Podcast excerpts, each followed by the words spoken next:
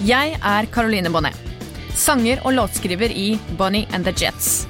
Jeg har mange år bak meg med undring og vandring i dette sammensuriet av et musikalsk Texas som kalles musikkbransjen. Det er mange historier, mange skjulte fakta og ikke minst mange spennende folk som skjuler seg bak denne bransjen fylt av eksentrikere, nevrotikere og alle slags snodige outcasts. Jeg bestemte meg en kveld for at jeg ville forvandle denne nysgjerrigheten til å bli min egen podkast. Jeg kommer til å invitere forskjellige gjester fra bransjen som forhåpentligvis vil fortelle meg noe nytt som muligens verken jeg eller du visste fra før.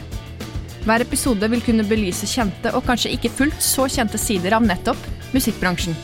Dette er hashtag bransjen.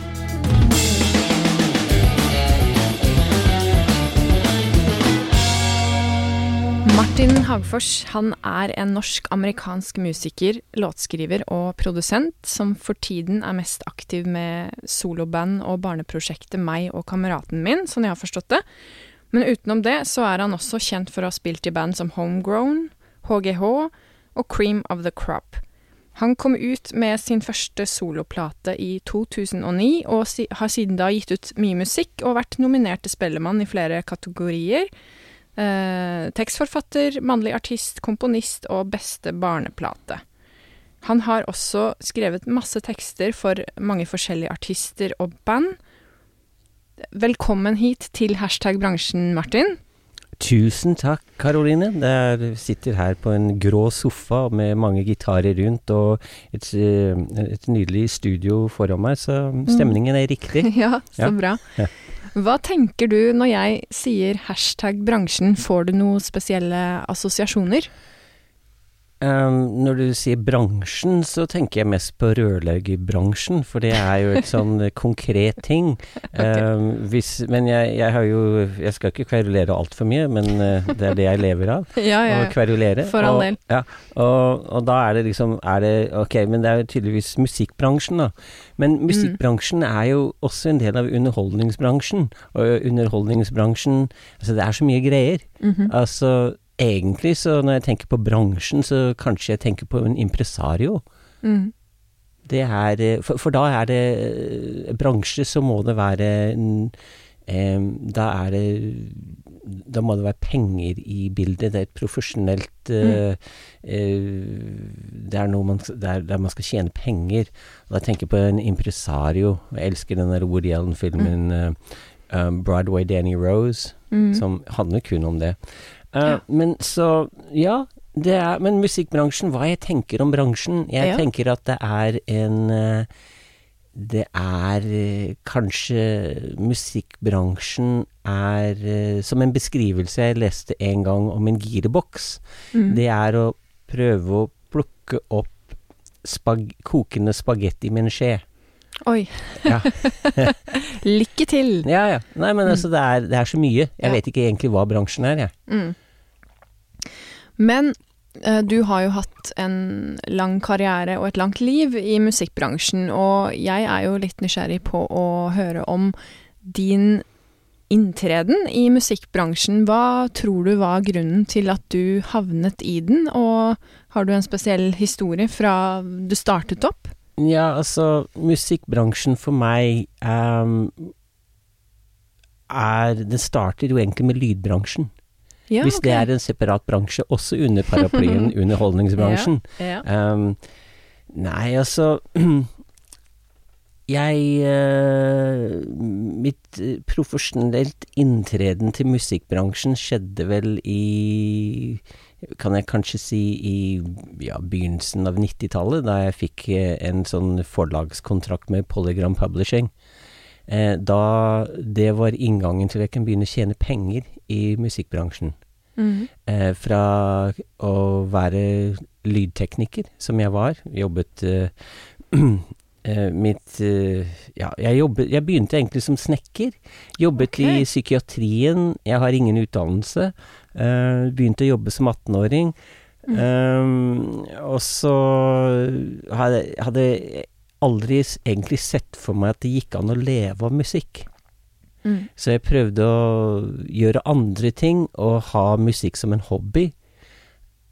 Um, og så jobbet jeg da Jeg fikk jo en jobb Jeg jobbet som bygningsarbeider og snekker, og så tok jeg en armeringskurs eh, for å bygge oljeplattformer.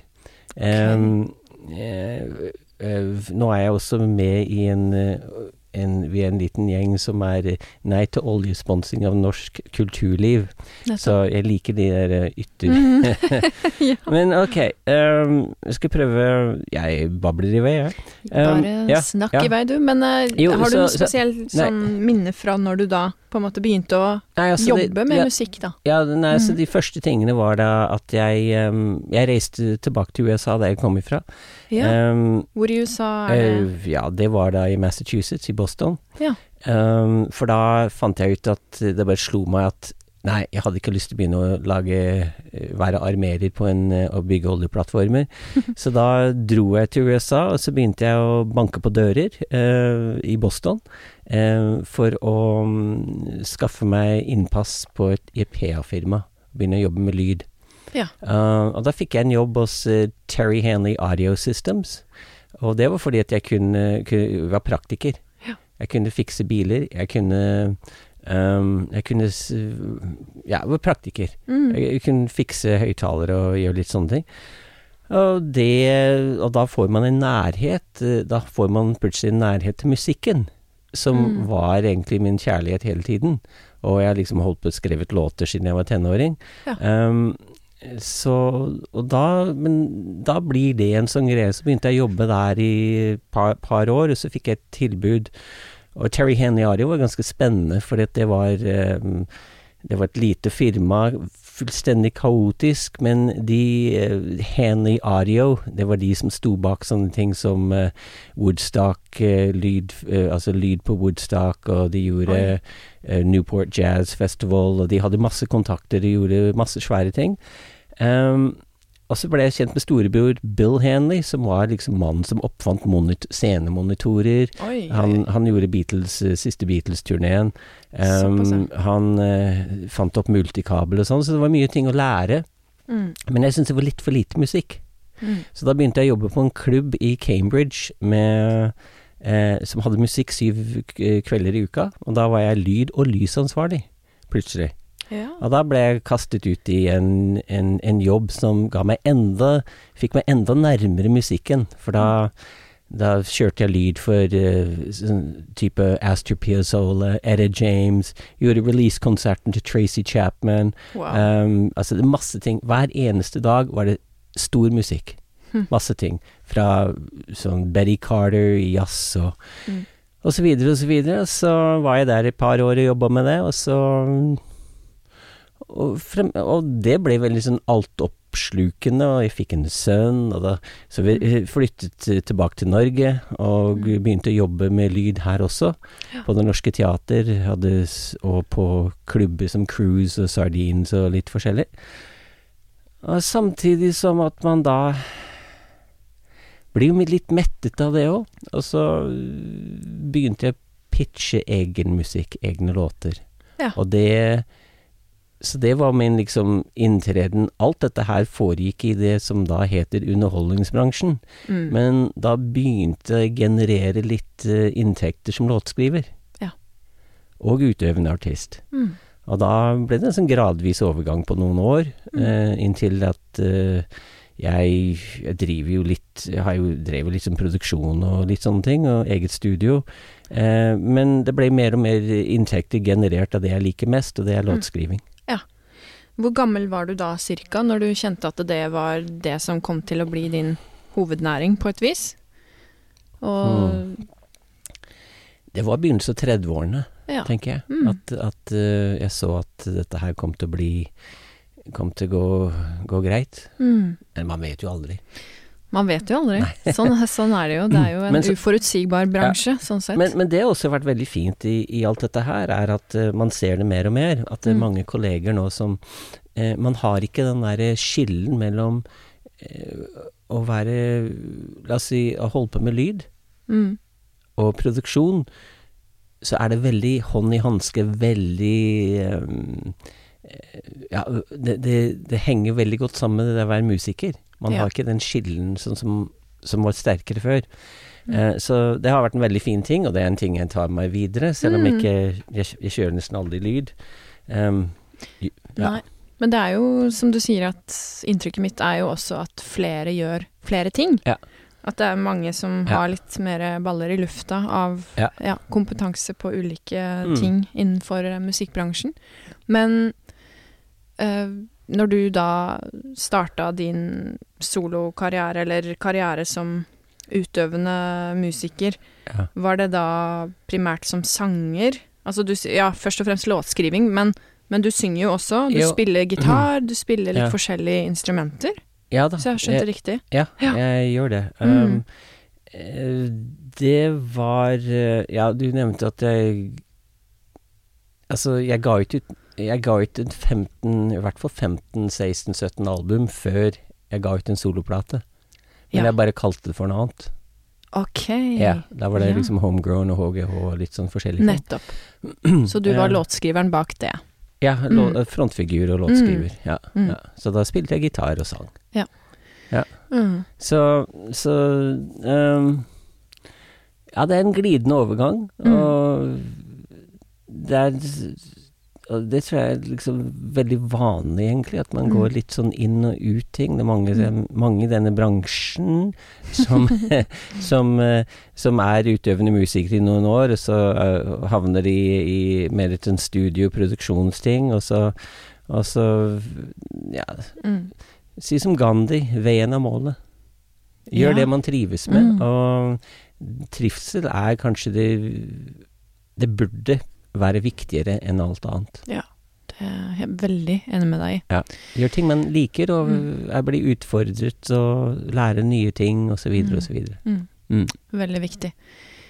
Men når du da begynte som utøvende mm, Mhm. musiker og frontfigur, som du sier, og i ulike band, så ble det jo mye turnering, mye spillinger rundt Ja. omkring. Eh, og du var da mye på veien i mange år, Ja. og er jo fortsatt det, for så vidt. Jeg er litt sånn nysgjerrig på om du har noe spesiell rar historie fra veien, ja, fra en turné sånn, ja.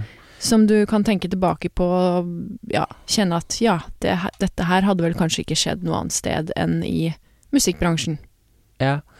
ja um, det, man, det man har godt av å huske, eller det man husker best, er sånne ting som har vært eh, store utfordringer. Ja. Uh, komme til uh, Komme til steder uh, uten, uten teknisk utstyr, komme til klubber som lurer på om det er greit om alle ligger på gulvet. Mm. Um, ingen madrass, ingen sånne ting. ja, ja. Så dele seng med Dele seng med to-tre andre musikere. ja. Um, og så videre og så videre. Mm. Så det er liksom de fine Altså de gode historiene. ja. Selv om det het Jesus fucking Christ. Det var en av mine siste turneer. Jeg gjorde mange europaturneer med HGH. ja. Og, og da var det jo Det var jo veldig ofte ymse. Fra, fra ganske streite forhold så kommer man til noen idealister i Jeg husker det var et sted jeg lurer på om det var utenfor Leipzig eller noe sånt. Så, ja. så er det Så kommer man frem Så kommer man frem, og det er jo Det er jo ingen Det er jo ingen overnattingsmuligheter. Nei. Så man eh, ligger da under en, eh, en pult eh, inne på et rom der det også er et nachspiel. Å, okay. For eh, havner man ofte inn i disse litt sånn indie-studentmiljøene, mm. så tror man at man syns det er greit å feste 22 dager i strekk, fordi at man skal gjøre Ja. 22 eller 21 jobber på 22 dager. Ja, ja. Um, så det er mange Det er en del sånne Mm. historier. Jeg har også opplevd sånne ting i Norge. På vei ned til en festival nede i Kristiansand, så ringer vi Det var med Homegrown, så ringer vi for For vi hadde ikke fått noe sånn konkret tids, starttidspunkt. Mm. Da får man vite mens man er på vei nedover at man skal ikke gå på scenen før halv tre på kvelden. Natta. Oi. Ja. Vær så god. Akkurat sånne ting. Ja, det er jo litt sånn kjekt å vite i forkant, da. Ja, At det tidspunktet Ja. Det er jo liksom midt på svarteste natta. Ja, det er, um, det er en, en god del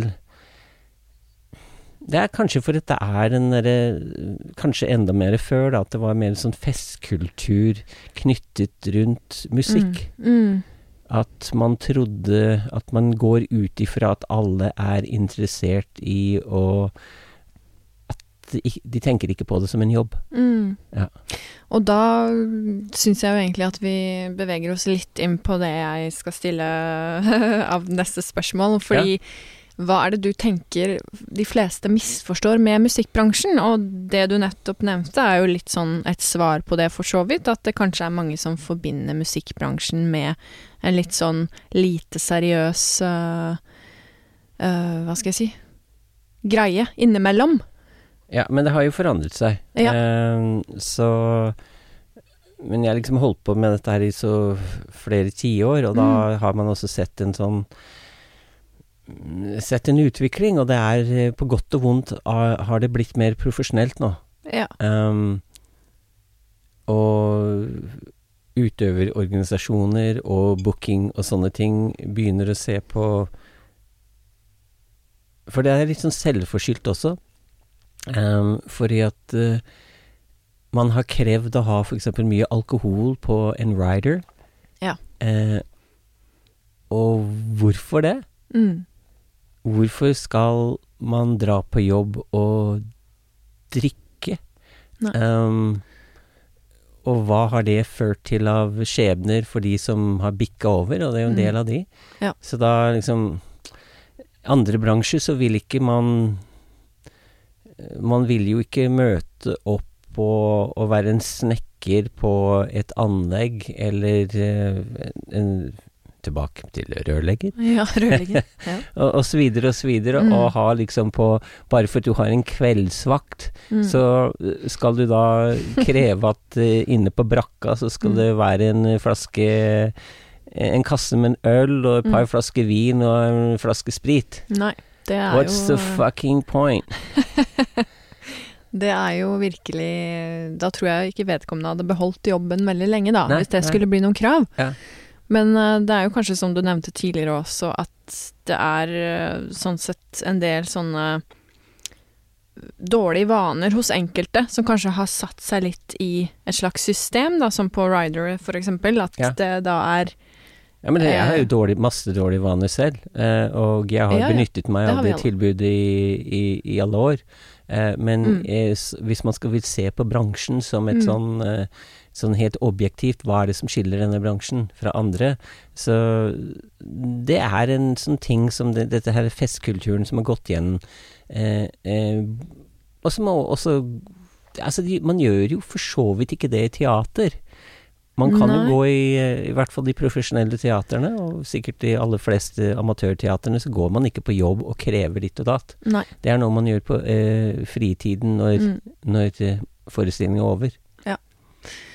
Men det kan jo hende at det skjer litt endringer uh, i fremtiden på det med alkohol Ja. og litt sånne kutymer, da. For jeg ser jo at det er en del av veldig eh, yngre generasjon nå som drikker generelt ganske mye mindre alkohol Ja, enn ja. det. De er mye mer det skjerpa, mye mer Ja. proffe. Mm. Og det er jo et godt tegn, da, tenker jeg. Ja, kjempelurt. Men når du ser tilbake og tenker liksom hvilken retning du kom inn som utøvende musiker i Ja. eh, bransjen, er det noe ting du ser at oi, det ville jeg gjort annerledes, eller at du tenker er etterpåklok og ser at uh, det er noe du ville unngått, for eksempel? Ja, jeg vet ikke. Det er litt sånn Det er vanskelig å være etterpåklok i og med at man lærer av alle feil og ting man Ja. gjør. Um, på mange måter så tenker jeg hvorfor prøvde jeg meg ikke som utøvende musiker og prøvde å leve som låtskriver som Mm. 19-åring? Ja. Um, hvorfor holdt på med alle de andre tingene? Men så ser jeg tilbake på det, og så tenker jeg nei, kanskje det var veldig lurt. For da, som låtskriver og tekstforfatter og sånne ting, så er det et eller annet med å ha noe livserfaring. At man Mm. ikke Altså, det, det var i hvert fall bra for meg. Mm. Jeg vet ikke hva som er bra for andre. Mm. Um, men det hadde vært Det er akkurat som å være en politiker som har aldri vært noe annet enn en politiker. Ja. Em, hvis man skal være en historieforteller, så syns jeg at det kan være en fordel å kjenne til noe annet enn den bransjen man selv har vært i og jobber i Mm. hele tiden. At man har sett andre sider av samfunnet, og har levd eh, Mm. på andre sider av samfunnet. Mm. Eh, så jeg har egentlig ikke sånn at jeg egentlig angrer på noen ting. Nei, så bra. Jeg, jeg syns jeg har hatt kjempeflaks. Uh, Mm. Vi har liksom hoppet over i Hoppet over i nye ting, og det har stort sett gått bra. Mm. Mm. Man sitter jo her enda. Ikke sant?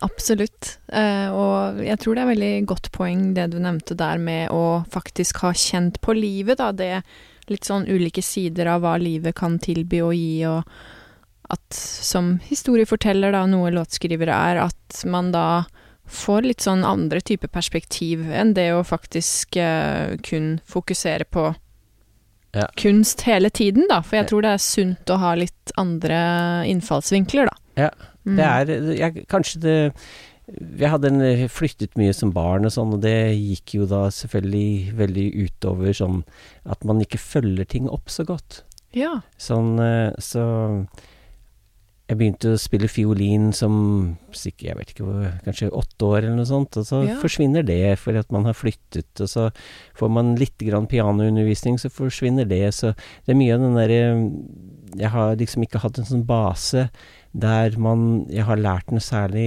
uh, musikkteori. Eh, og det er for så vidt en ting som jeg ser eh, mer og mer verdi av etter hvert, da.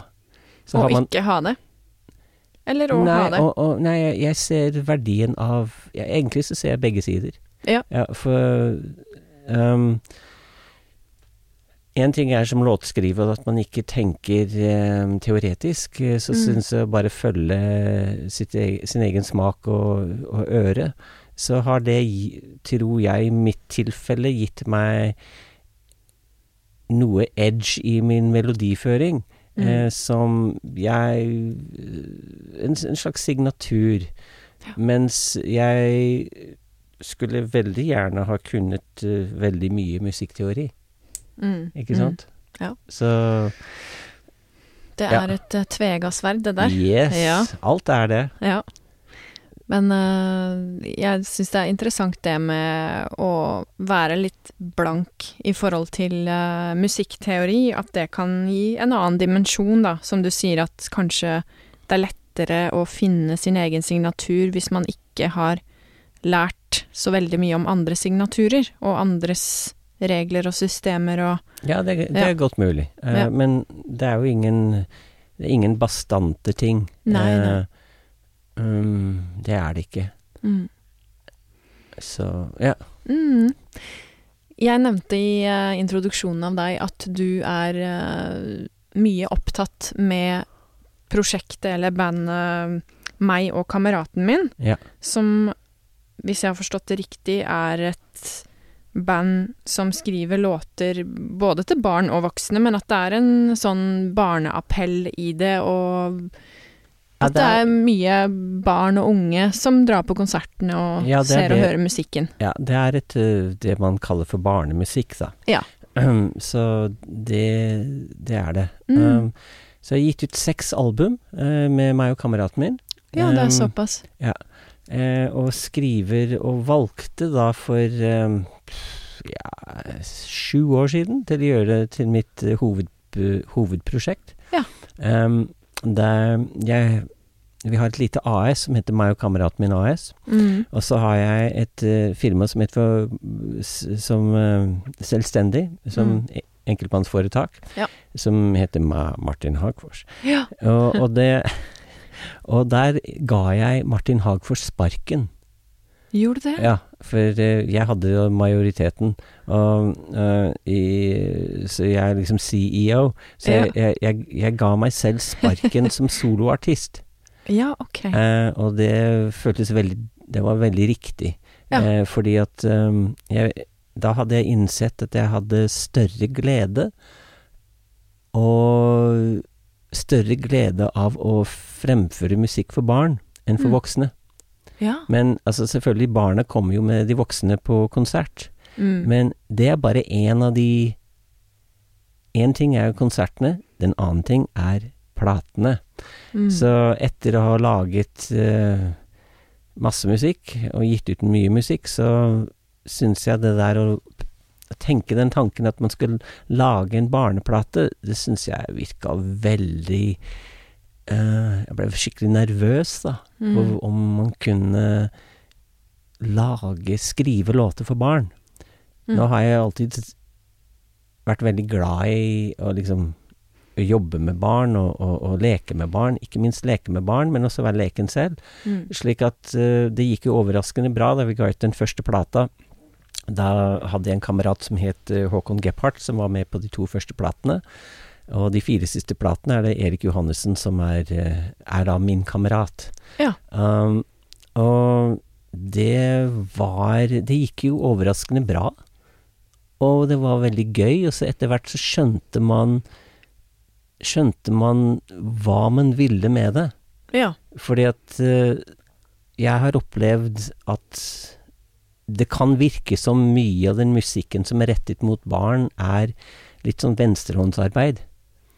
At det blir tatt litt for enkelt på. Um, det blir sett litt grann ned på i, Ja. i um, Altså, den ha- har liksom ikke den verdien, kunstneriske verdien, som musikk rettet mot voksne ofte har. Em, så, men, men så er det en del befriende ting med det. Uh, en av de befriende tingene er at uh, det er policy å aldri playliste musikk rettet mot barn, f.eks. i P1 Ja. eh, og, og de andre kanalene, okay. som har sine eh, lyttersegmenter. Mm. Um, og det er en befrielse når man gir ut ny musikk. Da Mm. slipper man å drive pitche musikk til kanalene. Ja. Og prøve, prøve pitche en singel. Mm. Ah, for en befrielse. Ja, det ja, kan jeg relatere meg veldig ja, til. ja, ikke sant? Så det er, det er veldig fint. Du må Ja. liksom snu, snu opp ned på ting. Mm. Men så må man også tenke på hvorfor fremfører, fremfører man musikk? Grunnen til at jeg fremfører musikk, er at jeg liker den musikken jeg fremfører. Mm. Men jeg kan jo stort sett ingen coverlåter. Jeg kan bare egne sanger. Ja. Um, derfor så må jeg skrive musikk som jeg selv liker å fremføre. Um, og forhåpentligvis liker kidsa det, og foreldrene og tantene og besteforeldrene og så videre. Så da har jeg liksom prøvd å se hvor langt man kan strekke den strikken ja. på hvor tilgjengelig skal musikken være. Jeg tenkte først at ok, barnemusikk kjører veldig sånn eh, korte låter, eh, sånn type Ramones, Kinks, eh, lengde på låter. Mm. Um, veldig kult. Kanskje ikke ha en C-del, bare en A- og B-del. Mm. Men så begynner man å leke seg litt med den derre feelingen, da. Um, og, og skrive, hele tiden skrive så gode låter man klarer. Altså virkelig gode låter. Det er liksom Det er det jeg vil. Låter som jeg selv liker. Ja. Aner ikke om noen andre liker det, men akkurat de der har jeg lyst til å fremføre. Jeg liker, liker den sangen. Den vil jeg fremføre. Mm. Um, og så har det gå, gått veldig bra, og så har det, det også vært en utvikling.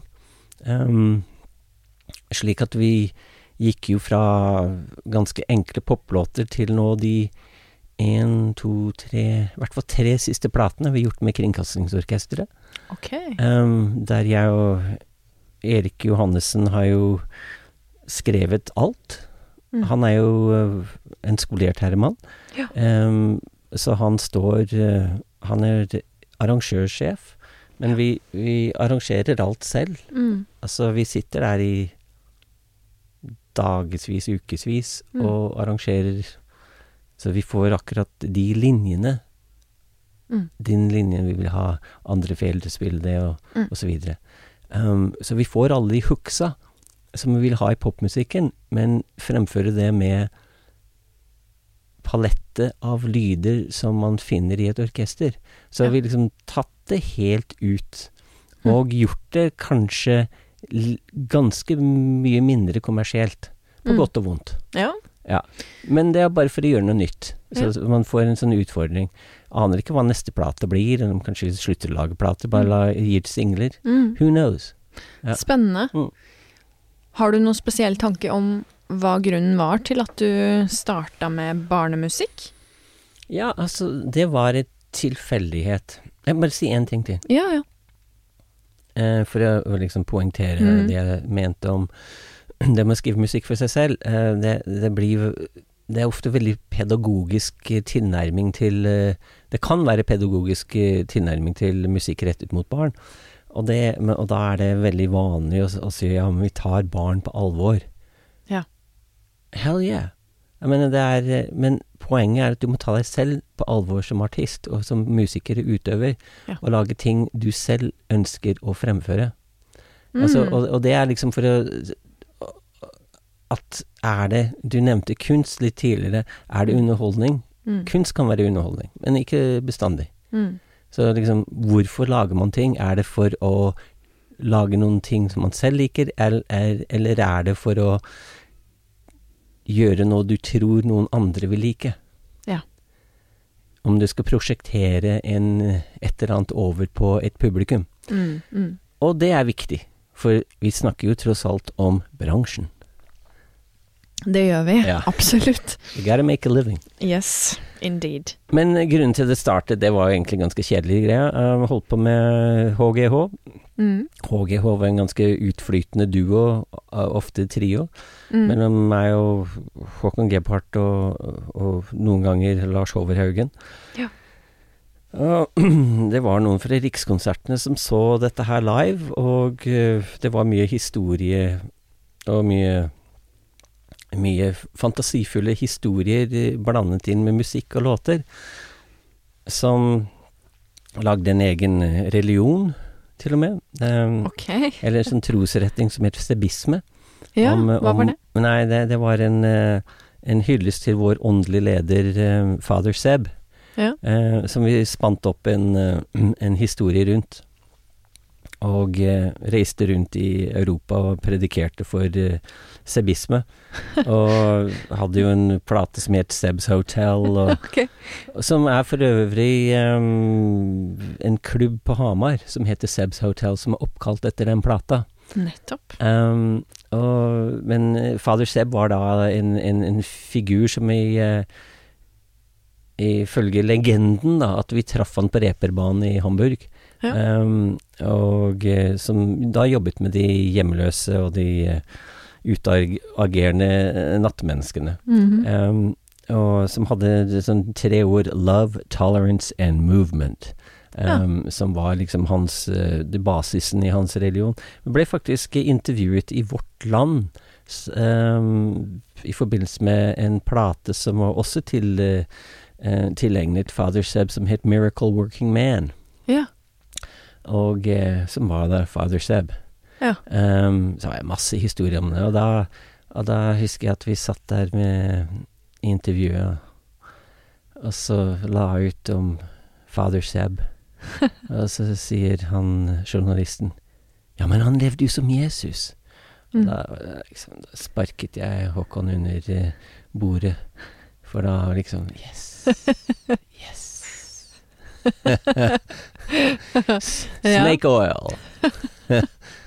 Ja, nei, eh, Men, eh, men- men morsomt eh, ja, hvor men uansett- integrert det men- var i deres tankesett og mm, kanskje livsstil også. Ja, ja, men, ja, nei, men så, så er, historiefortelling er viktig. Mm. Og man skal jo dikte, finne Mm. på ting. Um, og det var en produsent fra Rikskonsertene som så en av våre for, uh, konserter. Ja. Som varte jævlig lenge. Like lang, lenge som jeg babler. Og, og, og den um, Og han så den forestillingen og tenkte at det her må jo bli en barneforestilling. Så da eh, ante vi ikke hva vi skulle gjøre, så vi sang bare de vanlige låtene på engelsk og lagde nye stories rundt, og kanskje noen nye tekster. Så begynte Mm. å skrive om uh, låtene til norsk, og så begynte å skrive nye låter. Og det var uh, etter hvert, etter noen år på veien med eh, Da kalte vi oss for meg og kameraten min, som var egentlig oppkalt etter en uh, låt som het Me and My Buddy. Ja. Um, så, så ble det laget en plate med alle de hitsa. Sånn.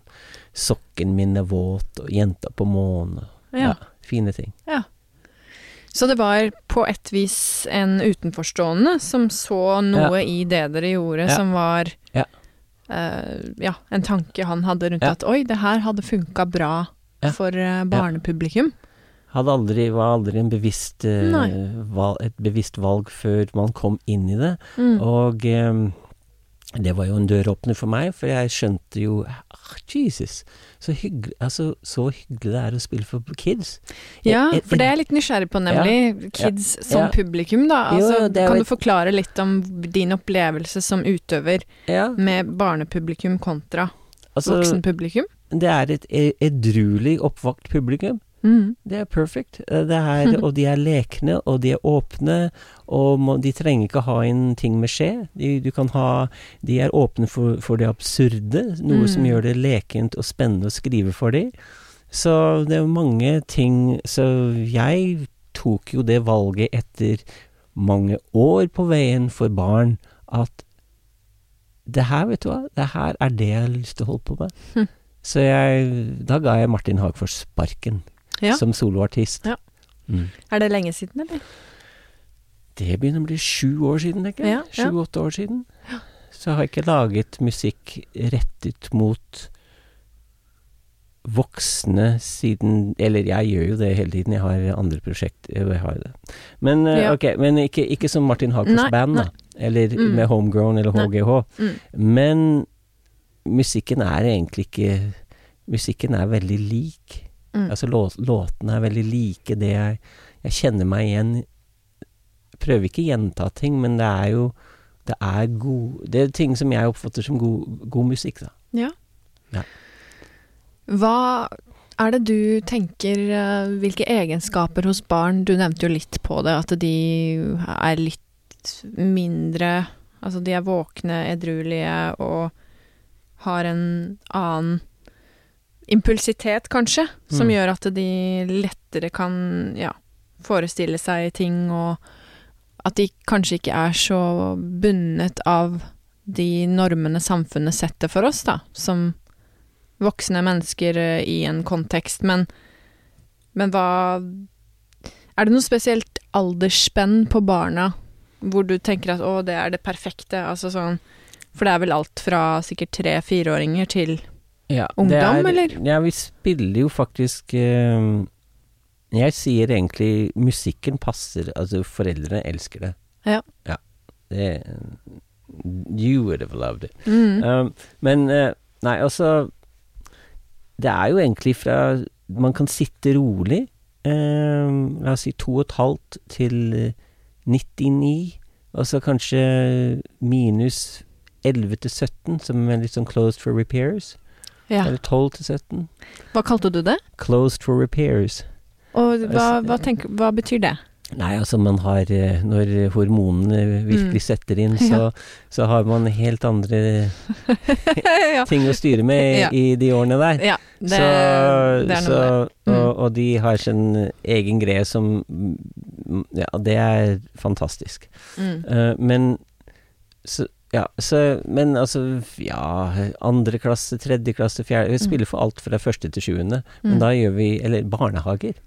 Ja. Det var helt eksistensielt rart. Første barnehagen jeg spilte i, så kjørte jeg inn i en skole, nei, barnehage på Stern, Ja. Sør-Trøndelag. og da, da fikk jeg en sånn eksistensiell sånn Hvor langt har jeg sunket nå? Ok. Du ser liksom ungene der i parkdressene sine og Sherox og Ja. Lange snørrenner og, og liksom Er dette her Er dette her skal jeg fremføre min kunst overfor disse, disse, disse Hva er dette her? Hva er dette her? Ja. Men eh, nå er det jo yngre jo bedre. ja. Jeg syns det er fantastisk å spille for eh, barnehager og sånn. Men da må man gjøre en Da må man være bevisst på sitt publikum. publikum. Ja, ja. Så da må man eh, ta en del eh, Gjøre noe helt annet enn man gjør enn om man har da fjerde og femte klasser, eller om man har Mm. sjette og sjuende.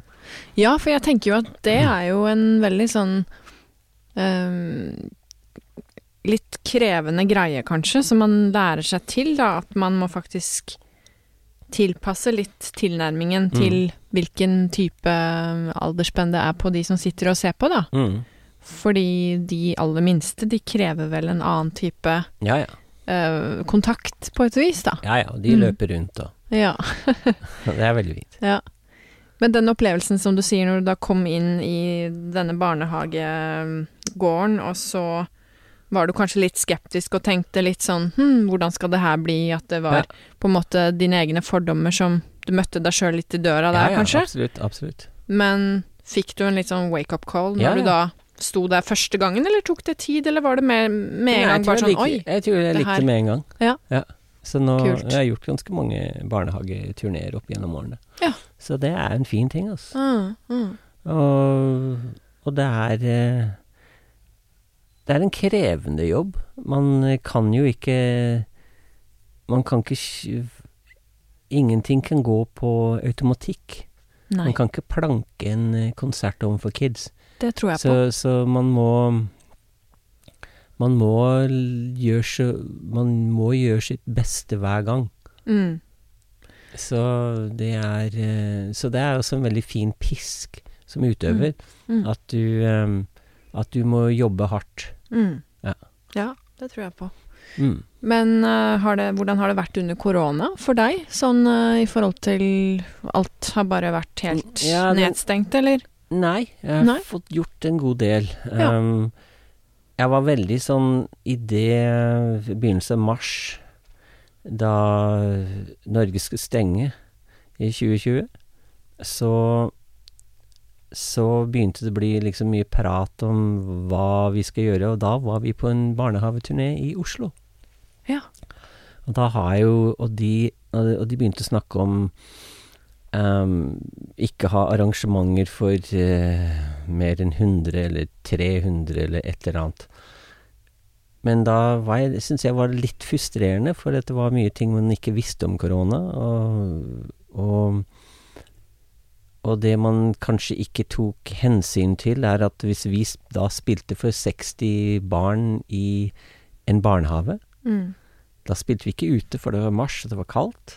Mm. Da spilte vi inne, og det var liksom to og en halv meter opp til taket, og antall kubikkmeter eh, luft per pers, det var mye mindre enn om Mm. vi skulle vært i en gymsal.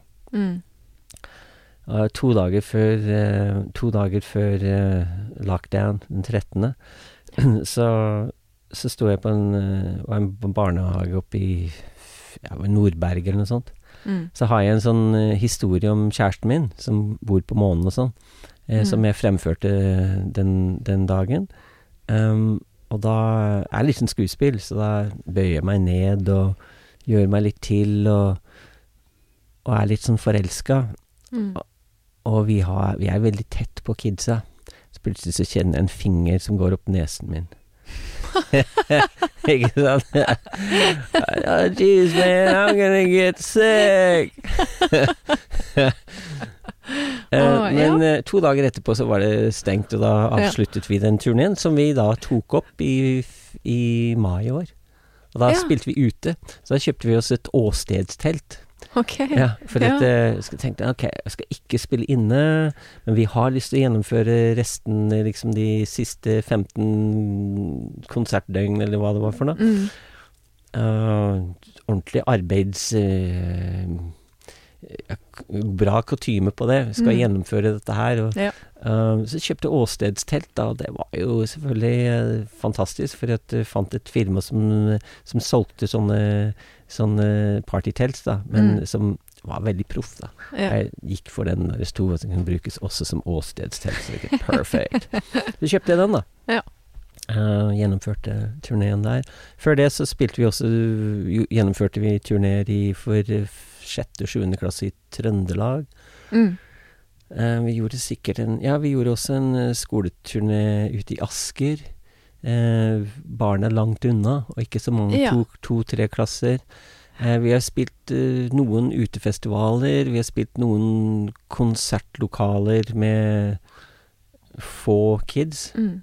Um, lagd en sangbok.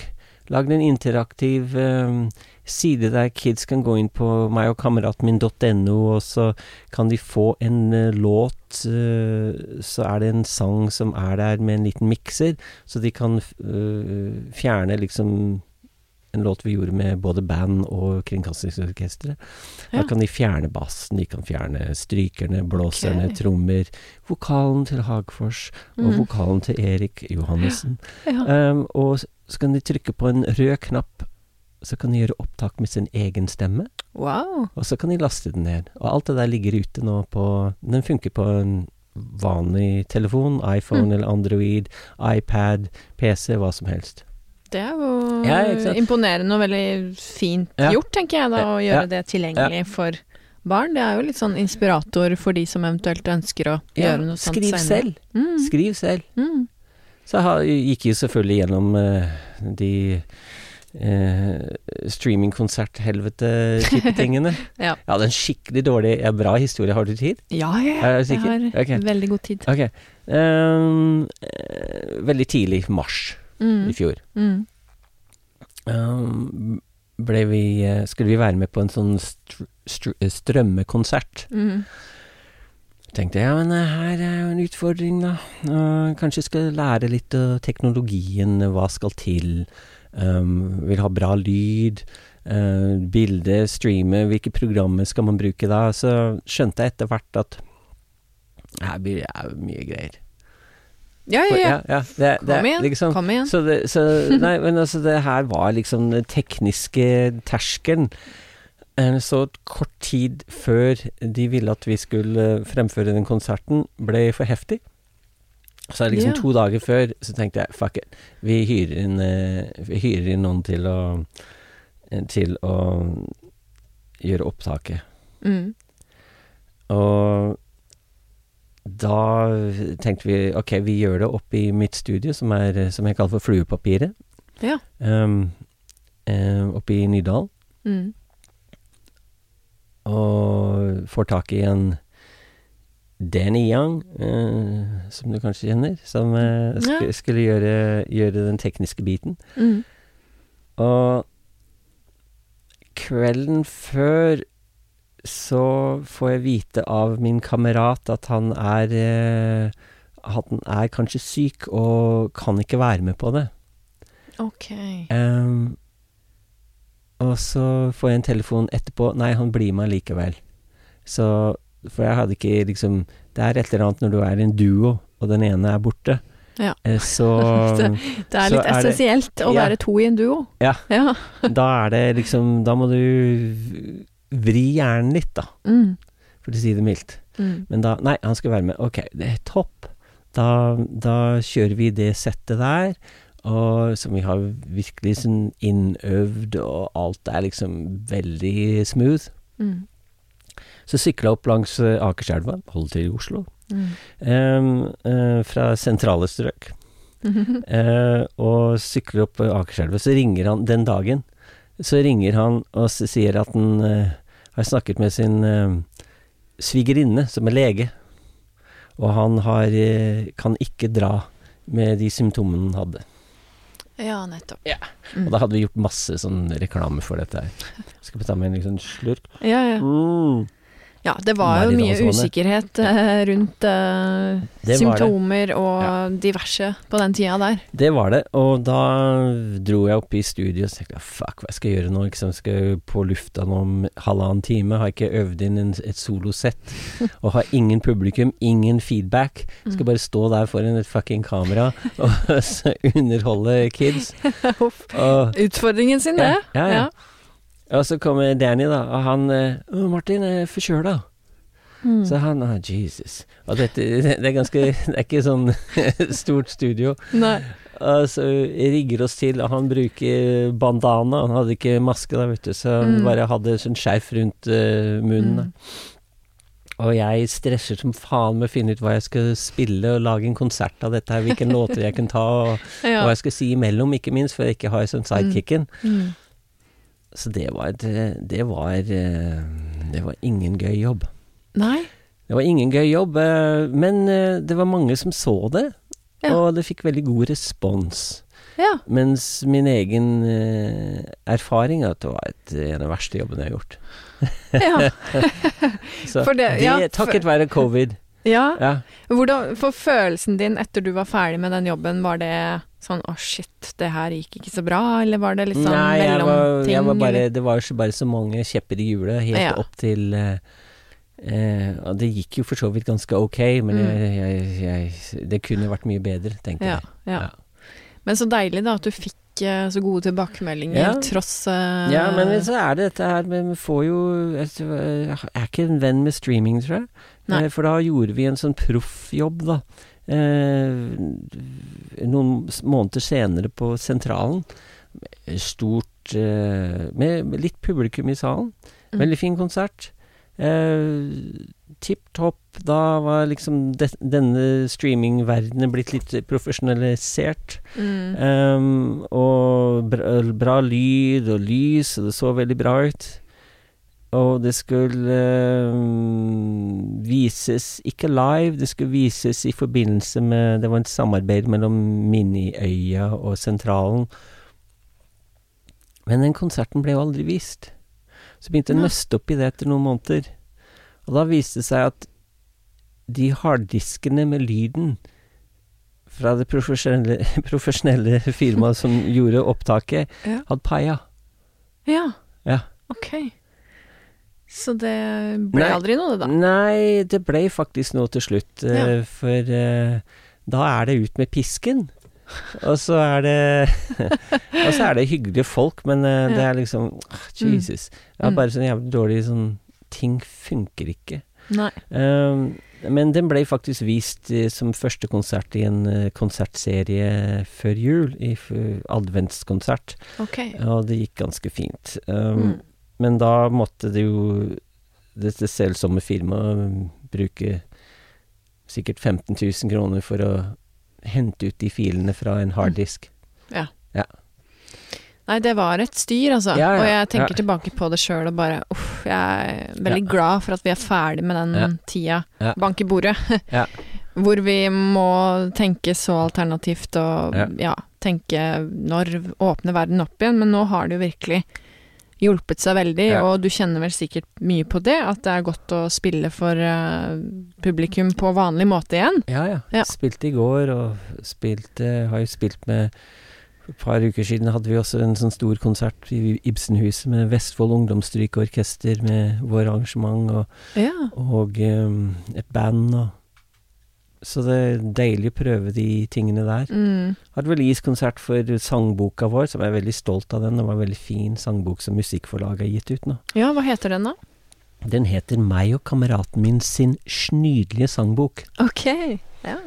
Snydelig er eh, et ord som jeg driver og pusher inn i det Snydelig. Ja, snydelig. Som jeg håper at alle vil begynne å bruke. Jeg gleder meg til det. Og, og er det noe jeg vil bli husket for, så er det å innført ordet snydelig i den norske ordbok. Hva er definisjonen på snydelig? Så nydelig. Så nydelig.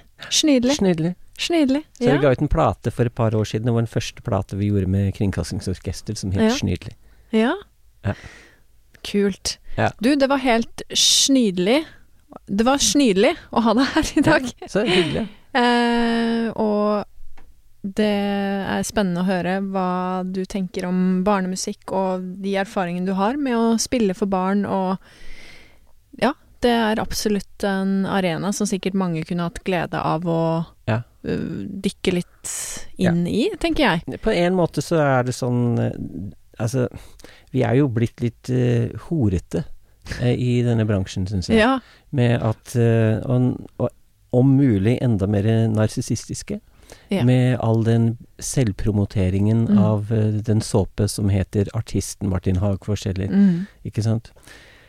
Um, så det er noen ting man slipper, Mm. slik at man kan konsentrere seg om innholdet i Mm. det man lager, og ikke bruke så jævlig mye tid på å promotere hele Mm. tiden, og, og være et ansikts utad i det sosialpornografiske Mm. Facebook, Instagram, alle, Ja. alle, alle de tingene der. Ja. Bruke så jævlig mye tid på å promotere at det blir helt sånn metta. Er ikke verden ah, Er det ikke noe annet som skjer i verden enn at noen har gitt ut en ny låt eller en ny Mm. plate, eller se på meg, se på meg, se på meg, se på Mm. meg? Um, der, til en viss grad, til en viss grad, så er det litt mindre av det innenfor barnemusikk, i og med at vi slipper å prøve å selge så mye seg selv. Mm. Um, jeg vil ikke bli husket som Martin Hagfors, men jeg vil bli jeg, det, det er meg som er meg, meg og kameraten min. Mm. Jeg vil liksom at låtene skal leve videre. Mm. Um, så det er litt sånn deilig å ikke fronte seg selv, da. Mm. Men fronte en, en, en, en figur. Det er mye fornuftig i det du sier der, og jeg tenker at eh, mange i bransjen har mye å lære, inkludert meg selv, på det å faktisk tenke at selve innholdet i musikken er liksom det man eh, absolutt burde ha fokus på og eh, konsentrere seg om så mye som mulig, men det er selvfølgelig utfordring i den herre selge seg sjøl-bransjen, som vi alle er en del av, og Ja. på godt og vondt, og det er mye egoer der ute. Det er det helt sikkert. Ja, Mm. det er Det, er, det blir sånn ah, det, blir så, det blir så lei. Mm. Ja, Unnskyld. ja. Altså, Nei, men men så- Ikke bare som å gjøre det selv, men Ja. å, å, være mottaker av det. ja. Så man blir liksom helt døv til slutt. Mm.